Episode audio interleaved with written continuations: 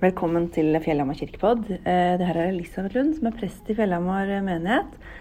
Og jeg skal dele med dere det som var søndagens preken og prekentekst.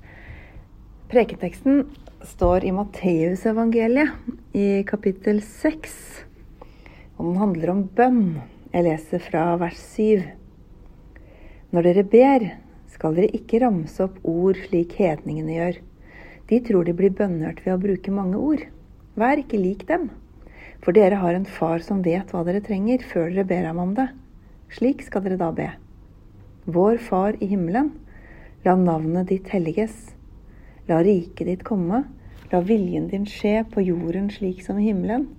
Gi oss i dag vårt daglige brød, og tilgi oss vår skyld, slik også vi tilgir våre skyldnere. Og la oss ikke komme i fristelse, men frels oss fra det onde. For riket er ditt, og makten og æren i evighet. Amen. Denne søndagen kalles bønnens søndag. Og for noen høres det veldig kjedelig ut. Men for andre er kanskje bønn noe av det viktigste i livet. Og for andre igjen er det veldig problematisk. Først i dag så har jeg lyst til å si at alle vi som er prester i Fjellhamar, vil gjerne snakke med deg om det å be. Om hva som er fint, og hva som er vanskelig. Hva som skjer, og hva som ikke skjer. Det er bare å si fra hvis du har behov for det. Men er det egentlig noen vits i å be? Og er det feil og riktige måter å be på? Jeg tror ikke egentlig at man kan gjøre feil. Men det kan være greit å reflektere over hva som er poenget med bønn. Prekenteksten i dag står i Matteusevangeliet, i den delen som vi kaller bergprekenen. Og der underviser Jesus om grunnleggende ting som har med Guds rike å gjøre. Sånne ting som vi kan strekke oss etter i livet sammen med Gud. Og der snakker han også om bønn. Og i dag fikk vi da høre Herrens bønn, altså den bønnen Jesus har lært oss å be. Først sier Jesus at vi ikke skal ramse opp ord når vi ber. Det holder å gjøre det enkelt, liksom. Og det er jo en trøst hvis man syns det er vanskelig å finne ord å be med. Jesus sier også at Gud allerede vet hva vi trenger. Det er ikke nødvendig å si en hel masse for Guds skyld.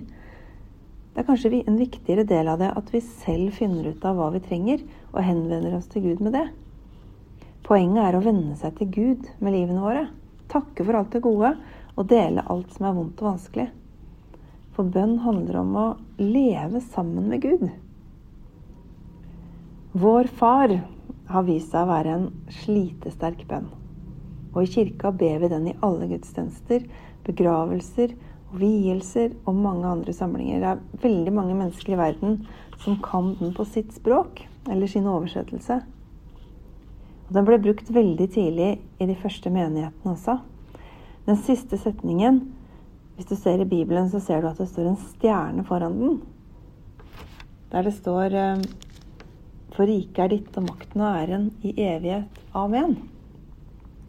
Den er et tillegg som er lagt til eh, i et skrift som heter eh, Altså, den var ikke med i den eh, opprinnelige teksten. I et skrift som heter Didaché fra ca. år 100, eh, som beskriver menighetslivet. Der står det at vår far skal bes tre ganger daglig. Og Jødene var nemlig vant med å be tre ganger om dagen. Og For dem var det vanlig å avslutte alle bønner med en lovprisning. Så tillegget er antagelig lagt til fordi vår far tidlig ble brukt i gudstjenestelivet. Og det har vi fortsatt med. Om vi ber denne bønnen alene, eller om vi ber den sammen med andre, så er den en felles bønn. Det er vi som et kristent fellesskap som ber den. Vår far, ikke min. Og vi sier, vi sier ikke meg, men vi sier oss. Jeg tenker også at Jesus med denne bønnen viser oss noe om hvordan vi skal leve i relasjon til Gud og til hverandre i Guds rike, i fellesskapet rundt Jesus. Jeg skal forklare kanskje litt hva jeg mener med det. Vi begynner med å be Vår Far i himmelen. Vi er familie. Vi har en felles far. Og Jesus er veldig opptatt av at vi kan kalle Gud for vår pappa. Han vil være så nær for oss. Og det er også en av de tingene som er veldig bra med den nye oversettelsen. Selv om mange er glad i den gamle der vi sa 'Fader vår', så er ikke det en god oversettelse av det som var hensikten til Jesus. Meningen er å bruke en tiltale som får oss til å oppleve det nært. Og fader er et mye mer arkaisk ord enn far og pappa. Poenget er at vi kan henvende oss til Gud som en nær person for oss. En som har omsorg for oss, og som vil oss bare godt. Og så kommer tre bønner som handler om Gud. Tre er jo også Guds tall. La navnet ditt helliges. La riket ditt komme. La viljen din skje på jorden slik som i himmelen. De handler om både noe Gud tar ansvar for, og noe vi skal åpne for. I den greske teksten så er alle de tre bønnene skrevet med verbet i imperativ tredjeperson. Og det fins ikke på norsk, så vi får ikke helt fram kraften i det. Men det handler om at Gud må hjelpe oss å relatere til Gud som hellig, og leve etter Hans vilje, så Guds rike kan vokse. Og så kommer det tre eller fire bønner, alt ettersom hvordan man regner om noen henger sammen. Noen mener det er fire, og fire er verdens tall. De handler i hvert fall om oss mennesker og om våre problemer. Først gi oss i dag vårt daglige brød. Brød var det viktigste i israelittenes kosthold, og det står her for mat. Og så er ordet epiusios oversatt til daglige. Det er et av de mest omdiskuterte enkeltordene i Bibelen. Og det er uh, ulike meninger om hva det betyr, for det er ikke brukt i noen andre kjente tekster. Så det er ikke noe å sammenligne med. Mest sannsynlig handler det om at man skal få mat for morgendagen. På den tiden fikk man sin dagslønn om kvelden, så man skulle ha mat dagen etter. Men for oss er det en god oversettelse med daglige. Når vi ber den, så handler det om å ha det vi trenger for å leve dag for dag. Og vi må huske at vi sier oss og ikke vårt, og ikke meg og mitt. At vi sier oss og vårt og ikke meg og mitt. Vi ber for mange flere enn oss selv. Så det er også en bønn som vi bør følge opp i handling. Være med på å sørge for at alle får sitt daglige brød. Tilgi oss vår skyld, slik også vi tilgir våre skyldnere. Vår far har på en måte plass for hele livet vårt. Den tar med seg det vi skammer oss over og føler skyld for, og omsorgen vår for andre. Vi ber om tilgivelse og om hjelp til å leve godt sammen med hverandre. Og la oss ikke komme i fristelse, men frels oss fra det onde. Vi ber om å bli beskytta fra fristelsen til å vende, oss, vende Gud ryggen. Fristelsen til å velge det onde, det motsatte av Gud. Og vi ber om frelse det vanligste ordet for frelse på gresk er soso, som betyr å gjøre sunn og hel. Men her brukes et annet ord, ryomai, som betyr å berge ut av nød og fare. Redde oss fra det onde. Vi ber om hjelp til å holde oss på den gode veien. I den bønnen Jesus har lært oss, kan vi også kjenne igjen det som han har sagt er det største budet. Du skal elske Herren din Gud av hele ditt hjerte og hele din sjel og av all din forstand og du skal elske de neste som deg selv. Vår far er en bønn som favner både relasjonen vår til Gud og til hverandre. Den rommer både himmel og jord. Det var nok om vår far. Jesus har lært oss å be. Men er det noen vits i å be? Jeg tror at vi er mange som har bedt om ting vi ikke har fått. Eller om at noe skal skje som ikke har skjedd som at vi selv eller noen vi er glad i, skal bli friske. Vi, eller i hvert fall jeg, kan av og til ta meg i at jeg egentlig tenker på Gud litt som en bestillingsautomat. Vi putter på en bønn. Om vi ikke får det vi ønsker tilbake, så virker ikke Gud. Men det er ikke sånn relasjonen til Gud er ment.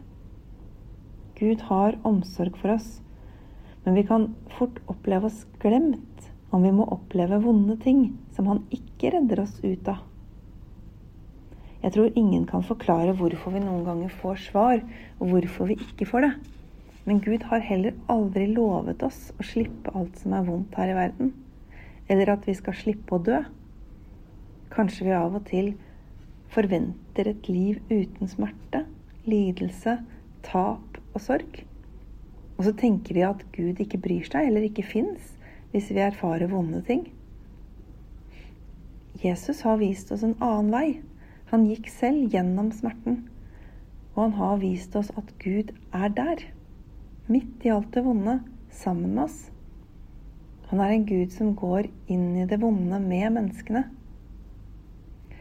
Det er ikke lett å akseptere, men jeg har tro på at det er noe bra med å møte det som er sant i livet, heller enn å bruke masse krefter på å prøve å holde det borte. Dette kan være noe du forstår annerledes enn jeg mener det, om du står midt oppi noe som er veldig tøft. Men kom gjerne og snakk om det.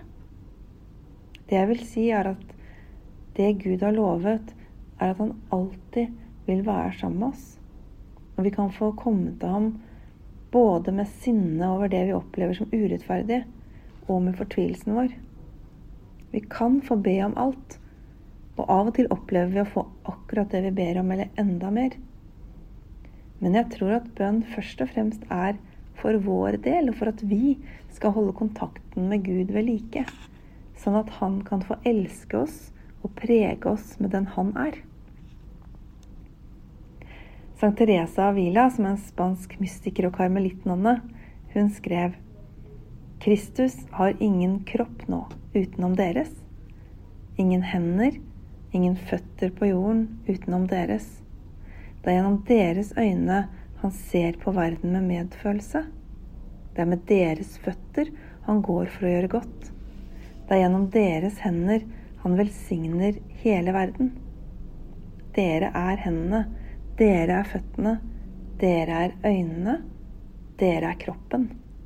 Kristus har ingen kropp på jorden nå utenom deres. Kanskje vi ved Guds hjelp gjennom bønn etter hvert kan fokusere mer på det vi kan gjøre. Være så åpne vi kan for at Gud skal kunne handle gjennom oss i møte med andre. Sånn er Gud til stede på jorda gjennom oss. Vi er jo veldig opptatt av om Gud hører bønnene våre. Kanskje det går an å bli mer opptatt av om vi hører Gud. Om vi er åpne for å høre det svaret han gir, eller det han vil vi skal gjøre? Kan vi øve på å lytte til hva som er vår vei, mer enn å fortelle Gud hva vi vil han skal gjøre?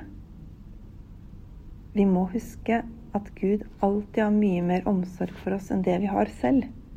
Han vil ikke be oss om å gjøre mer enn det vi kan. Det jeg tror er aller viktigst med bønn, det er at vi kan stille oss åpne for å ta imot Guds kjærlighet til oss. Når vi ber, kan vi åpne hjertet vårt og la Guds kjærlighet slippe mer og mer inn, så vi kan stå grunnfestet og rotfestet i kjærlighet, som det står i den andre teksten som hører til i dag. Og vi kan la Guds kjærlighet prege oss her vi lever i verden, sammen med hverandre, som Jesu kropp på jorda. Jeg tror det er vits i å be. På den måten, i hvert fall. Og på mange andre måter. Og jeg tror alt som handler om å være sammen med Gud, er en bønn. Når vi er i kirka sammen, så er vi sammen med Gud. Og du er sammen med Gud der du sitter nå. I kirka kan vi komme fram og ta imot nattverden. Ta imot Hans kjærlighet, Hans tilgivelse, nåde, tilstedeværelse. Alt det Gud gir. Og så kan vi gå ut og gi det videre. Amen.